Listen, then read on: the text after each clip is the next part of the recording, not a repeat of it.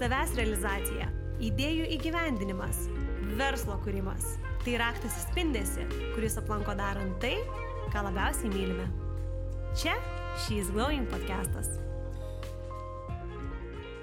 Sveiki įsijungę She's Glowing podcastą. Su jumis Davilė Urbanaitė ir prekinio vardo Odorė Damorė vadovė Agne Prakapavičiūtė. Sveika, Agne. Labas, Davilė. Agne, tai kaipgi čia nutiko, kad per visą labo metus Odorė Damorė tapo prekinis vardas, kurį dabar žino ko ne kiekvienas? Ar tai įvyko dėka neįsiemiamo beribio marketingo biudžeto, o gal tiesiog labai gerai apgalvotos strategijos? Iš tiesų, tavo a, antrasis variantas yra teisingas, a, nes a, mes pradėję savo veiklą būtent stengiamės išsikelti labai teisingą tikslą. Ir ką tu dabar paminėjai, kad prekinis ženklas jau yra iš tiesų pažįstamas ir žinomas, tai 22 metų tikslas mūsų ir buvo būtent didinti prekės ženklų žinomumą. Tai jeigu tu sakai tokį faktą, vadinasi, mes kažką padarėm teisingai. Ir aišku, kai tu įsikeli tikslą, tam yra reikalinga strategija. Kaip tu sakai, sakai, labai gerai apgalvota strategija, aš galbūt nepasakyčiau, kad ji buvo tokia nuglūdinta, nes ateinant naujam prekės ženklui, tu turbūt gali pasisemti kažkokio įkvėpimo iš jau esamų prekės ženklų arba kurie galbūt dirba užsienyje, vykdo veiklą, arba tu tiesiog gali iš savo žinių, iš to, kas apskritai galbūt vyrauja net toj pačioj marketingo teorijoje, susidėlioti kažkokį planą. Bet tu tos taisyklės iš tiesų nežinai. Dėl to reiškia, tu tiesiog susidėlioji tai, kas manai, jog turėtų veikti geriausiai, bet tu vis tiek testuoji.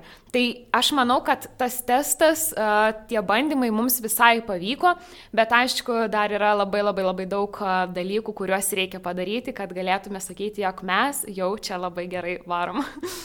Tačiau jūs padarėte tikrai labai daug per metus ir dažnai prekiniai vardai gali egzistuoti 10 metų, bet jų taip gerai nežinos, kaip kad žino Odorė Damorė. Tai man įdomu, kaip tu, kaip šio prekinio vardo vadovė, ar viską darai intuityviai, o gal turi su tuo susijusį įsilavinimą. Tai dabar grįžkime į pačią pradžią ir kaip atrodė tavo profesinis kelias, ar ne, ką tu studijavai? Iš tiesų, aš esu baigusi finansus, tai yra, turiu ekonominį bakalauro išsilavinimą, bet šiuo metu jau studijuoju būtent marketingą, studijuoju magistrą marketingo srityje. Bet kaip taip atsitiko, kad mano kelias pasikeitė, tai iš tikrųjų buvo labai netikėtas, netikėtas toks mano žingsnis ir galbūt net žingsnis buvo intuityvus, kuris buvo padarytas pačios manęs, bet prie to mane privedė tiesiog likimas, aš taip sakyčiau. Kadangi dirbdama savo tokiam pirmajam jau rimtam darbe, aš ir dirbau būtent pozicijoje, kuri yra susijusi su finansais. Ir būtent jau toje pozicijoje aš kažkaip mačiau dalykų, kuriuos būtų galima pagerinti būtent iš pardaviminės dalies, kaip pasakyti, kaip pagerinti pardavimus įmonėje. Ir aš aišku, tiesiog nieko nebijodama ėjau, bandžiau siūlyti idėjas, tos idėjas, na, greičiausiai nebuvo kažkokios labai jau ten didelės, bet a, vis tiek ta iniciatyva buvo parodyta iš mano pusės, kuri, manau, po to lėmė sprendimą mane a, pasiūlyti į sekančią poziciją, kuri jau buvo toks, sakyčiau, viduriukas tarp finansų ir marketingo, kur aš, na, galėjau prisiliesti ir prie to, ir prie to. Ir būtent atsidūrus toj pozicijai aš pabendravau su savo tuometinė vadovė ir supratau, kad iš tikrųjų aš čia noriu būti. Supratau, kad čia noriu būti, man tas rytis patinka, aš turiu viduje kažkokios energijos, jėgos ir idėjų tai daryti. Ir, na, nusprendžiau iš tikrųjų nieko labai daug ne, nemastyti ir, ir ieškoti jau toliau dar giliau su tuo susijusio, susijusio darbo. Tik, žinoma, neturint išsilavinimo toj srity nebuvo taip lengva. Tai aš tuo metu nusprendžiau sužaisti šiek tiek taktiškai. Aš e, ieškojau pozicijos e, netiesiogiai susijusios su marketingu, bet įmonės, kurioje marketingė na, beveik nieks nevyksta. Aš galvoju, aš eisiu dirbti kitą poziciją, bet po to vėl eisiu su savo idėjom, e, pabandysiu kažką pasiūlyti ir, na, tikiuosi, man pavyks prasimušti. Ir iš tikrųjų taip ir įvyko, kad tiesiog pradėjus dirbti dar kitoje įmonėje, visai ne marketingo srity, aš pradėjau siūlyti idėjas, tai perėjau marketingo specialistės poziciją, po to į marketingo vadovės poziciją. Tai iš tikrųjų aš manau, kad tas taktinis sprendimas buvo teisingas.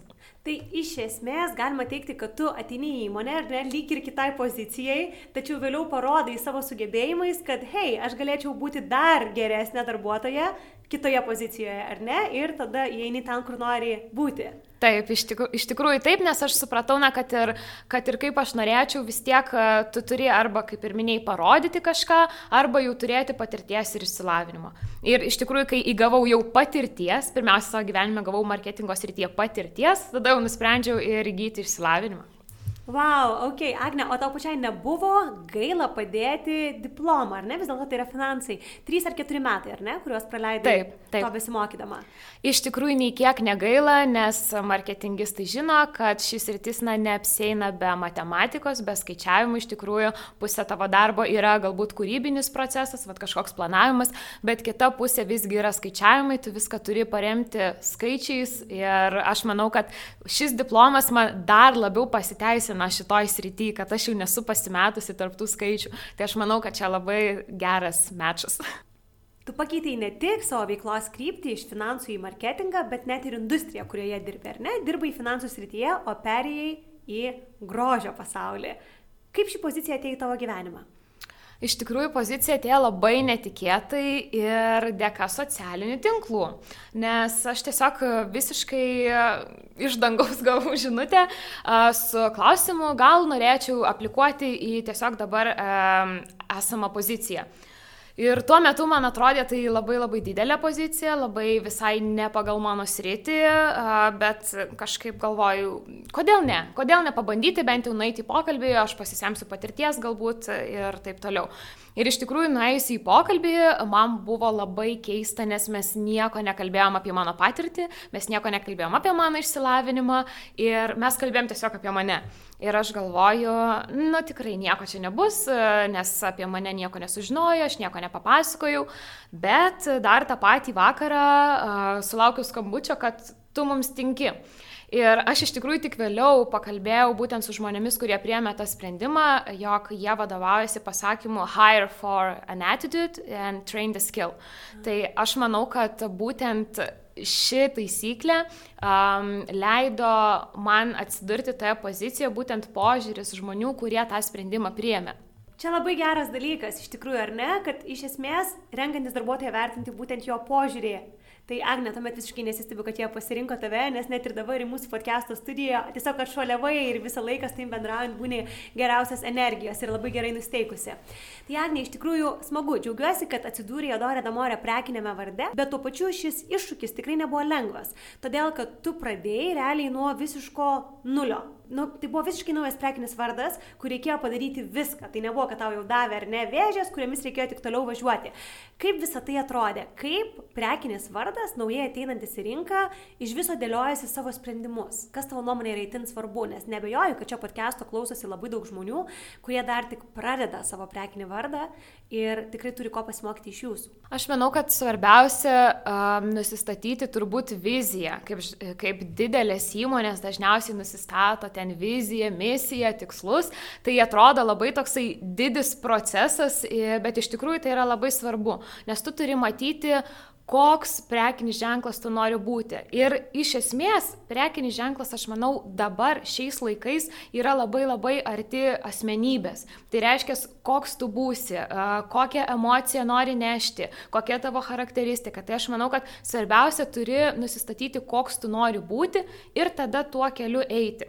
Tai iš tikrųjų mes tą pirmiausia ir padarėme, mes nusistatėme kokią poziciją mes norime um, būtent uh, pristatyti toje rinkoje ir mes sakom, mes norim būti prieinami, mes norim būti žemiški, mes norim būti draugiški, mes norim būti pasiekiami, kad žmonėms būtų gera su tuo prekiniu ženklu susipažinti.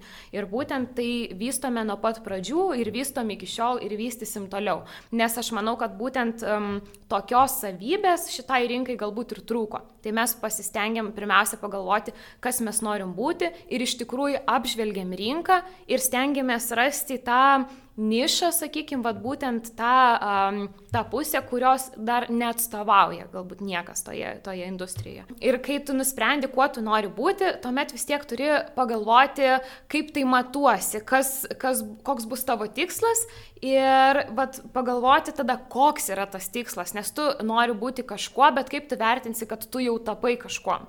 Tai mes pirmiausia e, nusistatėme tikslą, kaip ir minėjau pokalbio pradžioje, tiesiog supažindinti su savo prekės ženklu. Ir rėmėmės iš tikrųjų tokia galbūt labiau intuicija arba gyvenimu, kaip pasakyti, um, nes kai tu nori kažką pasiūlyti žmogui, tu negali sakyti, labas pasižiūrėk tu vis tiek turi e, pirmiausia pasakyti labas, aš esu tas ir tas, um, kaip tau sekasi, gal norėtum pasižiūrėti, ką aš turiu, ką galiu pasiūlyti ir pakviesti tiesiog susipažinti. Tai mes būtent nuo to ir stengiamės pradėti, pirmiausia susipažinti, pasakyti tą labas, kad mes esam tokie ir tokie ir Ir nesistengiam netgi vystyti kažkokių didesnių tikslų, ten, sakykime, neįsikėliam pardaviminių tikslų, neįsikėliam, nežinau, dar kažkokio atsikasti tam tikros rinkos dalies.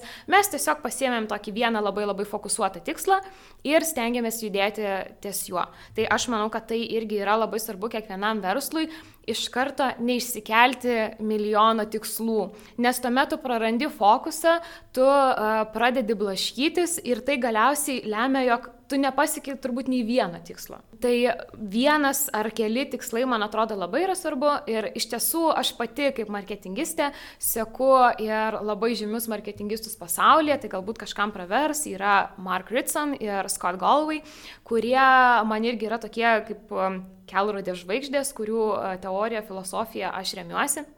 Ir jie lygiai taip pat sako, kad neapsikraukite per nelik didelių tikslų kiekių. Nusistatykite vieną arba kelis ir fokusuokitės. Arba, pavyzdžiui, kai reikia, nežinau, strategiją dėlioti, susirašykite dešimt tikslų ir aštuonis išbraukit. Ir tada siekite tik tų dviejų. Tai mes irgi stengiamės tą daryti iš tikrųjų, e, siekti to fokusuoto tikslo. Tai iš tikrųjų, kai jūs rašytės tikslus, pagrindinis jūsų pirmųjų metų tikslas ir buvo iš esmės prekinio vardo sklaida, žinomumas. Tikrai taip. Ok, Agne paminėjai, kad vienas iš jūsų tikslų buvo tapti tokiu šiltu prekiniu vardu, lik ir arti žmogaus. Bet labai gerai pasakėjai, kad yra svarbu pamatuoti, kaip man pavyko. Tai pavyzdžiui, kokiais vat, matavimo vienetais jūs tai matavote, nes aš įsivaizduoju, kad mūsų klausytojai gali būti labai sunku suprasti. Kaip suprasti, ar ne, ar man pavyko tapti tuo šiltu, jaukiu prekiniu vardu, o gal ir ne. Iš tikrųjų, um, turbūt yra tas sunkusis, nesunkusis, bet galbūt brangusis metodas, tai yra daryti brendo ar prekės ženklo tyrimą, tiesiog aiškintis iš esmės, kaip tau pavyko per metus ir dažniausiai tos tyrimus daro atsakingos atsakingos už tai agentūros, na, tu turi susimokėti tam tikrą pinigų sumą ir gauni jau rezultatą. Tai mes iš tiesų sekėm būtent prekinio ženklo paieškos rodiklį. Mes žiūrėjom, ar jis kyla ir jeigu mes, aišku, vykdėme iniciatyvas tam, kad tas rodiklis, rodiklis kiltų um, ir jeigu jisai kilo, mes reiškia, kad prekinio ženklo žinomumas didėja. O tai galima atsekti iš tikrųjų gan paprastai, tai jeigu tu mm, dedi būtent Google Adsus, E, ant savo prekinio ženklo, tai tu kiekvieną mėnesį gali stebėti statistiką. Tai čia irgi nėra kažkokio turbūt super tulso ar įrankio, tiesiog tu stengiasi remtis tuo, ką tu turi po ranka. Bet tai yra fantastiški patarimai, Agne, todėl kad tai tik parodo, kad nesvarbu, koks tai yra prekinis vardas, dažnai galbūt mes galvojam, kad tam, kad mūsų marketingas būtų sėkmingas, mums reikia išrasti dviratį, padaryti kažką wow, absoliučiai negirdėto ir tiesiog nuvertinam tokius paprastus įrankius, kaip, pavyzdžiui, čia ar net su Google Analytics pasižiūrėti, kaip jums sekasi. Tikrai visos mūsų klausančios moteris gali šitą patarimą puikiai pritaikyti savo versluose. Tai labai ačiū, kad daliniesi juo. Agne, e, kadangi esu individualiai kalbinusi laidoje gyvenimas versle ir jūsų įkūrėja, jisai pasakė, sakė, kad, na, galbūt kaip startavo su šiuo prekiniu vardu, turėjo tokią iliuziją, kad, na, galbūt influenceriai, ne, užteks pabendrauti su influenceriais, pasidarbuoti su jais ir visi kaip tą prekinį vardą ir žinos. Ir sako, mums reikėjo priimti tą faktą, kad vis dėlto nėra taip paprasta ar ne, ir neto gali neužtekti. Tai papasakok irgi apie tai, pavyzdžiui, kas buvo iš tų kelių, kur galvojat, kad bus lengviau negu kad buvo. A, taip, tai iš tikrųjų, kai atsidarėm jau pačią pirmą parduotuvę, galvojom, kad to užteks, nes parduotuvė buvo labai graži, elegantiška ir galvojam, kad tiesiog gražus salonas iš karto privilios žmonės ateiti. Ir būtent čia jau buvo toks pirmasis iksiukas, kur supratom, kad ne, viskas nebus taip lengvai. Sekantis žingsnis buvo turbūt, jeigu tu matai problemą, žmonės nėra galbūt susižavėję, e, nėra linkę susižavėti tik va, tavo fainumu kažkokiu, a, tada sakom, na, reikia pabandyti intensyviau pakviesti to žmonės. Ir pasirinkom, žinoma, įvairius kanalus, bet turbūt mm, niekuom neišskirtinius, tai yra komunikacija, influencerių marketingas, e-mail marketingas, reklamos. Tai turbūt ką kiekvienas šiek tiek didesnis verslas ir daro. Um, ir iš tikrųjų, vat, pagalvojom, kad pradėsim leisti rekra, reklamą, toliau būsime faini ir žmonės vėl ten ateis ir, žodžiu, džiaugsis. Bet pasirodo, taip irgi nėra. E, mes pamatėm, kad e, iš tikrųjų reikia įdėti daug daugiau darbo, jeigu tu nori, kad žmogus tave a, pažintų, kad tu jam patiktum ir kad tuo pačiu dar kažką nusipirktų. Tai iš tikrųjų pamatė tą tokią, kaip pasakyti, ne pačią idealiausią turbūt tendenciją, mes nieko nelaukiam ir nusprendėm dar labiau kalbėti ir rodyti savo vertybės. Mes nusprendėm, kad mes turim viduje tą norą, tą matymą būti, kaip ir minėjau, tokiais šiltais, atvirais, suteikti gerą patirtį, būti prieinamiems, bet e, mes galbūt iš pradžių va, to nepozicionavome. Ir tik praėjus, nežinau, kokiems trims, keturiems mėnesiams mes sakom, kad Taip, būti fainėms neužtenka, reikia būti tikriems ir tai parodyti. Nes būti yra viena, bet tai parodyti kitiems yra visai kas kita. Tai mes nusprendėm dar labiau tas vertybės akcentuoti, akcentuoti iš tikrųjų gerą patirtį ir tą prieinamumą. Nes iš tikrųjų aš savo nuomonę nu ne tik savo nuomonę, bet ir mūsų visos komandos nuomonę, manom, kad tai, ką mes dabar siūlom, tai yra labai prieinamas prieinamas pasaulis iš tikrųjų, kuris galbūt toks netrodo kitiems žmonėms, nes mes siūlome premium segmentą už labai prieinamą kainą. Tai mes e, bandom tai iškomunikuoti ne per kainą, ne per, ne per kažkokią tai kainos poziciją, bet bandom iškomunikuoti per tą vertybę, kad iš tikrųjų tau e, atėjus bus e, labai faina, mes suteiksime profesionalų aptarnavimą, mes tikrai stengiamės įsigryninti kiekvieno žmogaus norą ir stengiamės tai padaryti dėl jo, o ne dėl savęs. O Agne, kaip tada jūs reagavote tam tikrus dalykus, ar ne? Na, va, turi vieną viziją, kad, o, va, darom šitą, nu čia tikrai pasteisins. Ir bam, nėra taip, kaip galvoja iš pat pradžių. Ar žaidžia kažkokios asmenės emocijos, kad kaip čia, gal aš blogai sugalvojau, gal žinai, bet įdomu, kaip tas yra, nes labai dažnai mes save mėgstam susitapatinti su savo verslu ar su savo darbu. Taip, iš tikrųjų, a, tie asmeniškumai labai veikia, bet a, stengiuosi visą laiką žiūrėti situacijas šaltų protų, nes iš esmės tai, kad tu pradėsi kaltinti save, tau nepadės. Tu turi tiesiog susimti, pasižiūrėti, kur tu a, padarai galbūt ne taip, kur galėjai padaryti geriau ir tas klaidas spręsti. Tai mes vėlgi iš tikrųjų pradėję dirbti, iš karto stengiamės identifikuoti klaidas ir jas taisyti, nes e, veršlenimams iš tikrųjų vietos darbe nėra, reikia tiesiog daryti. Agne, puikus požiūris. Na, o dabar grįžtant prie įvairių marketingo sprendimų, kuriuos padarėte. Tai influenceriai. Ką tu manai, ar šiais laikais tai yra pervertintas toksai, kaip ir sakykime, kanalas ir labai brangus kanalas, ar vis dėlto tai yra, na, neišvengiamas pasirinkimas visiems verslams, kurie nori save pristatyti ir parodyti? Aš manau, kad influencerių marketingas yra labai gera atsvara televizijai nes iš tikrųjų tu gauni labai platų pasiekiamumą ir tu gauni pasiekiamumą labai tikslingos auditorijos. Na, galbūt nelabai priklauso nuo to influencerio, bet tu tiesiog e, gali užkeisti televizijos reklamą, būtent reklama socialiniuose tinkluose per influencerius. Ir visi žino, kad televizinė reklama yra labai brangi ir influencerių marketingas yra tikrai labai brangus, bet visgi dažniausiai, jeigu tu nori gauti televiziją gero eterio, um, sumokėsi labai didelę sumą, todėl vat, kartais, jeigu tu nori pataupyti to biudžeto, geriau a, rinktis influencerių marketingą. Ir aš manau, kad tas asmeniškumas vėlgi duoda dar tokios savo vertės, nes vėlgi, jeigu mes lyginame televiziją ir influencerių marketingą, tai televizija yra absoliučiai tokio šalto pasiekiamumo kanalas, o influencerių marketingas tikrai gerai um, sudėliojus pačią komunikaciją, jeigu leidi, aš manau, influenceriui um, nuo savęs tą prekinį ženklą pristatyti, o ne pastatyti jo jokias labai e, neapibriežti būtent tos veiklos labai stipriom gairiam, aš manau, kad tas asmeniškumo um, akcentas irgi duoda tam tikros vertės tai reklamai. Tai aš manau, kad tu gauni plačią sklaidą, plus tu gauni dar kažkokią tai uh, asmeninį prisilietimą nuo pačio influencerio. Bet renkantis influencerius, ar turėtum išvalgų, kokius vis dėlto yra verčiau rinktis? Ar tuos didžiausius ir brangiausius, turinčius didžiausią pasiekiamumą, ar vis dėlto nišiniai influenceriai? Čia vėlgi turbūt reikėtų atsakyti savo į klausimą, koks yra tikslas.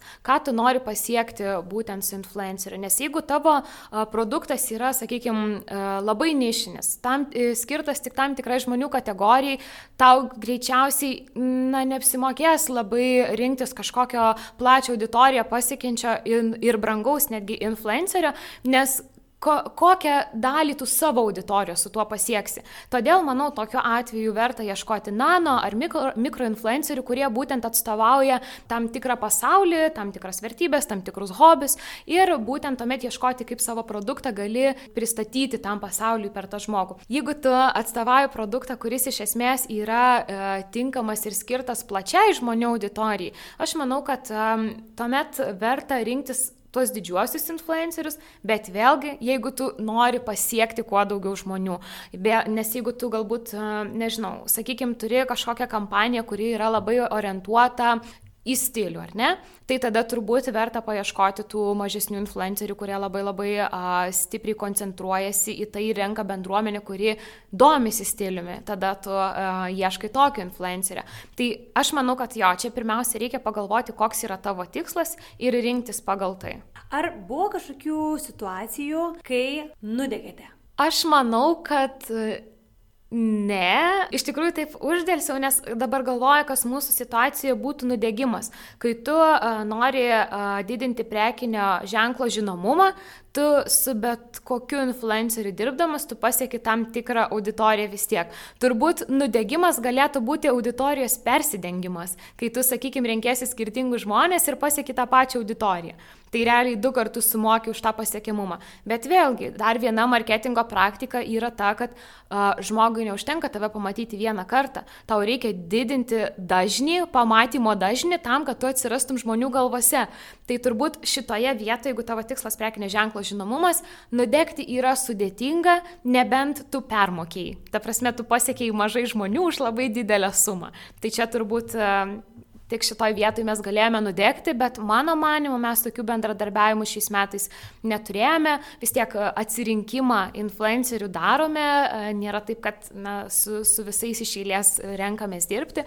Tai aš manau, kad mes tikrai labai turėjom geras bendradarbiavimo partnerystės. Fantastika, pritariu, Agne, iš tikrųjų turėjote daug smagių projektų ir taip pat man yra įdomu, kaip jūs jas generuojat. Ar turit kažkokį tai būdą, kada, nežinau, nebūna įkvėpimo visame ofise, visi ar ne, na, vad, išsikvėpia. Ar yra kažkokie special dalykai, ką darot ir, vad, vėl užsikuria smegenis, idėjos ir norisi viską daryti. Iš tikrųjų, arkliukas mūsų, mūsų prekinio ženklo vystymė yra renginiai.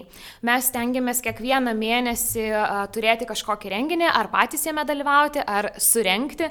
Tai iš tikrųjų renginiai leidžia labai stipriai pažinti viską aplinkui, nes tu galvoji, kaip tą renginį išvystyti, tu ieškai įvairių idėjų ir būtent tos minties sukurti, paruošti kažkokį renginį vedami, mes atrandam dar labai įvairių ir įdomių dalykų.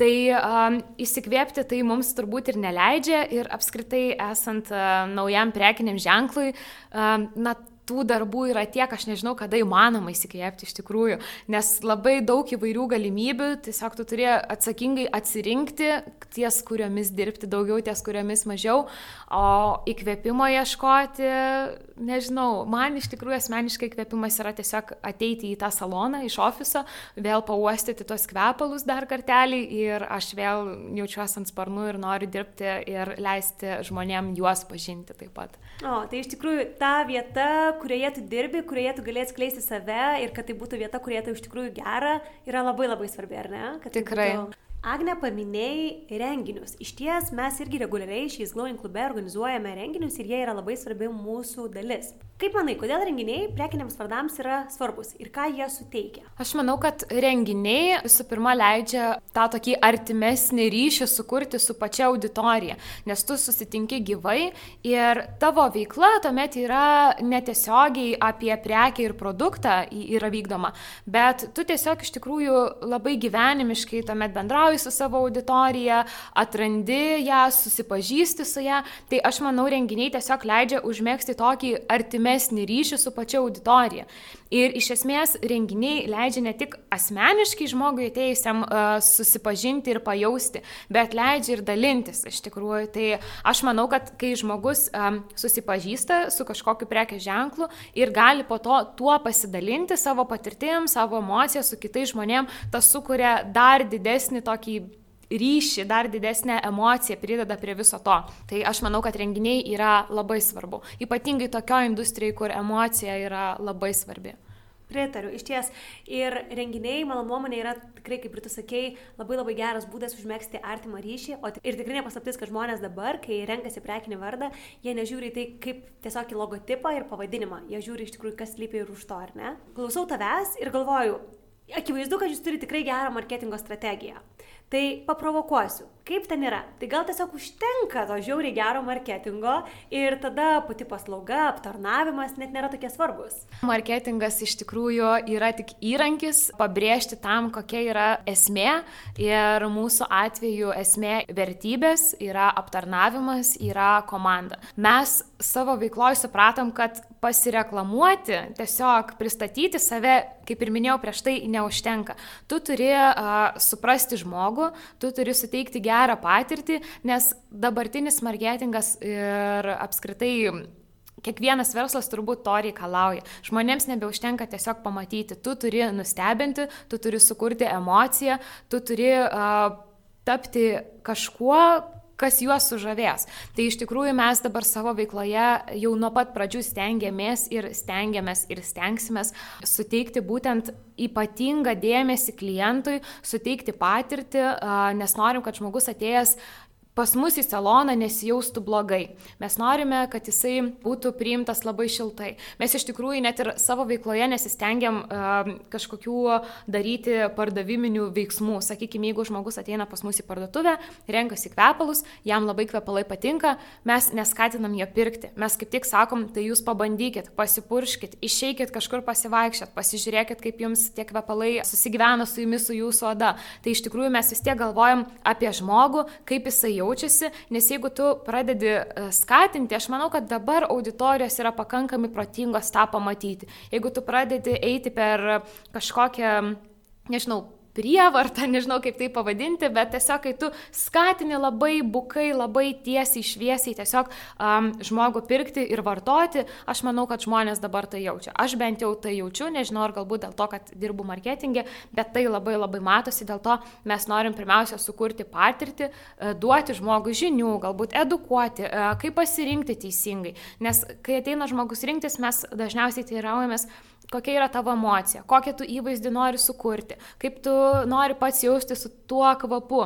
Ir dažniausiai tada pagal tai žmogui padedam išsirinkti, nes rinktis pagal natas ar pagal kažkokį kitą mėgstamą kvapą iš tikrųjų yra neteisinga turbūt, nes galbūt tas kvapas, ta istorija nėra tokia, nėra tokia kokią tu nori nešti.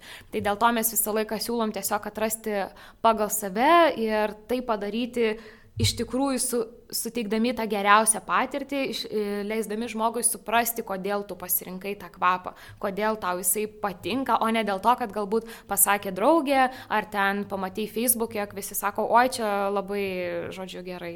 Žinai, pritariu, kad tas agresyvus marketingas, aš nežinau, e, kam jisai veikia, bet, pavyzdžiui, mane tai žiauriai atgraso. Tai tu tikrai labai sakai teisingai, kad norisi, atrodo, kurti tą ryšį, ar ne? Ir iš esmės aš nežinau, kiek Lietuvoje yra tas priimtinas agresyvus marketingas. Žinau, kad Amerikoje jis buvo toks labai didelis dalykas, ar ne? Bet manau, kad lietuviai visą laiką labiau mėgsta tokį subtilesnį prieimimą, ar ne, prieimą. Tai vienareikšmiškai tau pritariu.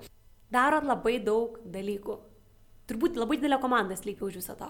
Tikrai ne, mūsų komanda sudaro šiuo metu tik šeši žmonės, bet aš manau, kad tai yra privalumas, nes iš tikrųjų didelė komanda reikalauja labai gero jos valdymo. Jeigu, pavyzdžiui, tu nori keisti kažką, kas susiję, nežinau, ar su marketingu, ar su verslo sprendimu, turint labai didelę komandą, tai tampa labai sunki užduotis, kadangi tu turi mm, teisingai iškomunikuoti galbūt kažkokį pokytį ir jį sukontroliuoti kiekvienoj um, organizacijos daly. O esant mažai komandai, pokytį tu gali padaryti per dieną. Jeigu tu matai, kad kažkas, nežinau, veikia, neveikia, um, gal kažkoks trendas ateina į rinką, galbūt patys kažką pamatėme, nežinau, užsienyje kažkokį pavyzdį, tai tu pamatėjai, apgalvojai ir gali iš karto tai pakeisti. Ir iš tikrųjų, dirbant mažoj komandai, dar vienas svarbus dalykas, kas turbūt leidžia verslui klėstėti, tai yra labai tvirtas vertybinis pamatas. Būtent mūsų komandoje dirbantys žmonės iš tikrųjų yra labai atsidavę šitam prekiniam ženklui. Mes visi labai tuo tikim, labai tikim, ką darom. Mūsų komandoje nėra jokios hierarchijos. Mes visi esam ne tik kolegos, bet sakyčiau ir draugai, kurie iš tikrųjų dirba dėl to vieno tikslo. Aš manau, kad būtent tas stiprus vertybinis pamatas ir įgalinimas kiekvieno žmogaus komandoje yra labai svarbus, nes jeigu tu ateini į darbą kaip į darbą, kad uždirbti pinigus, greičiausiai tu nepasieksi labai mm, stipraus rezultato, nes tu padarysi tiek, kiek, yra, kiek iš tavęs yra reikalaujama. Bet jeigu tu iš tikrųjų atsiduodi, O atsidavimas dažniausiai yra susijęs su a, gera aplinka, a, tiksliau malonia aplinka tavo darbo vietoje, kaip tu jautiesi pats, tai aš manau, kad jeigu žmogus e, komandoje gali a, jaustis labai gerai ir dažniausiai tai yra kažkokio tvirto vertybinio a, pamato a, padarinys, tuomet komanda klesti viduje, tuomet komanda nori padėti ir tam prekiniam ženklui aukti, nori pasiekti gražių tikslų, jie stengiasi dėl vienas kito. Tai iš tikrųjų būtent pas mus tai ir vyrauja Ir aš manau, kad kiekvienas verslas turbūt prieš pradėdamas kažką daryti turėtų apgalvoti, kokie žmonės už to slypi ir kaip jie jaučiasi. Ar kiekvienas iš tikrųjų jaučiasi gerai, ką galiu padaryti, kad jaustųsi dar geriau. Ir būtent e, mūsų komandos viduje tai ir vyksta, mes labai vieni kitus palaikom ir aš manau, kad tai yra labai svarbu. Šio podcast'o tikrai klauso ne viena vadovė, kuri turi savo komandą. Tad man labai įdomu, kaip tu manai, ką kiekviena vadovė ar vadovas galėtų padaryti jau galbūt net šiandien, kad pagerėtų bendra atmosfera darbe, ar ne, darbuotojai jaustųsi geriau darbo vietoje? Dovilė, iš tikrųjų labai geras klausimas, bet aš manau, kad atsakymas yra labai paprastas. Manau, kad svarbiausia yra atvirumas. Iš tikrųjų, kalbėti atvirai su savo komanda, kas yra negerai, niekada nepamiršti pabrėžti tai, kas yra gerai. Ir manau, kad mes vis tiek esam tokie visi pakankamai jau um, supratingi ir išsilavinę žmonės iš tikrųjų suprasti tas problemas, jeigu jį yra. Aš manau, reikia apie tai garsiai išnekėti ir ieškoti būdų, kaip tai išspręsti, o neslėpti kažkur, nežinau, viduje. Ir aš manau, kad ne tik vadovas tai turėtų daryti, bet ir patys darbuotojai, jeigu jie jaučiasi, sakykime, kažkaip ne visai taip, kaip norėtų jaustis, tai nebūtinai vadovas visą laiką galbūt tai mato, tai aš manau, kad ir patys žmonės turėtų nebijoti eiti ir kalbėti ir sakyti, nes aš manau, jeigu vadovas iš tikrųjų jam rūpi komanda, jis tikrai tuomet išgirdęs tai vėlgi pasistengs ir padarys viską, kad komandai būtų gerai. Agne, pritariu tau. Na ir pabaigai man tiesiog labai įdomu sužinoti, ką iš esmės pastebi šioje industrijoje. Ar ne, dirbi grožio, iš tikrųjų grožio, parfumerijos pasaulyje. Ir taip pat labai daug mūsų klausančių moterų sukasi arba svajoja būtent apie šią industriją. Tai kaip manai, ar Lietuvoje ši rinka jau yra perpildyta. Iš tikrųjų, manau, kad e, ši industrija Lietuvoje nėra perpildyta, bet yra labai um, išvystyta. Nelygu, žinoma, su kuo galėtum palyginti, jeigu mes kalbėtume apie Italiją, Prancūziją, tai tuomet turbūt sakytume, kad e, nišinės parfumerijos rinka yra dar visai neišvystyta, nes ten žmonės iš, iš esmės linkia pabrėžti save per parfumeriją, rinkdamiesi kažkokius išskirtinius kvapus. Tai Lietuvoje mes to dar neturime, bet um, iš esmės matau, kad ta tendencija vis keičiasi ir vis daugiau ir daugiau, daugiau žmonių uh, stengiasi susipažinti su nišinė parfumerija, nes manau, kad jie pamato jos vertę, jos esmę. Nes um, iš esmės kvepalai galbūt man net ir asmeniškai anksčiau būdavo tiesiog, kad, na, tu turi pasikvėpinti, kad kaž, kažkokį tai kvapą skleistum nuo savęs. Bet atėjusi į šitą rinką supratau, kad tai yra kur kas daugiau.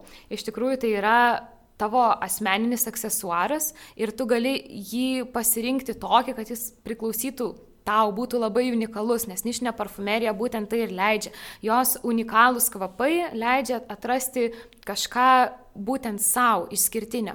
Ir Lietuvoje aš matau, kad žmonės iš tikrųjų vis dar linkia rinktis tai, kas patinka visiems. Nesu tikra, ar vyksta tai visose sferose, ar būtent su kvepalais, bet žmonės nori to, kas patinka visiems.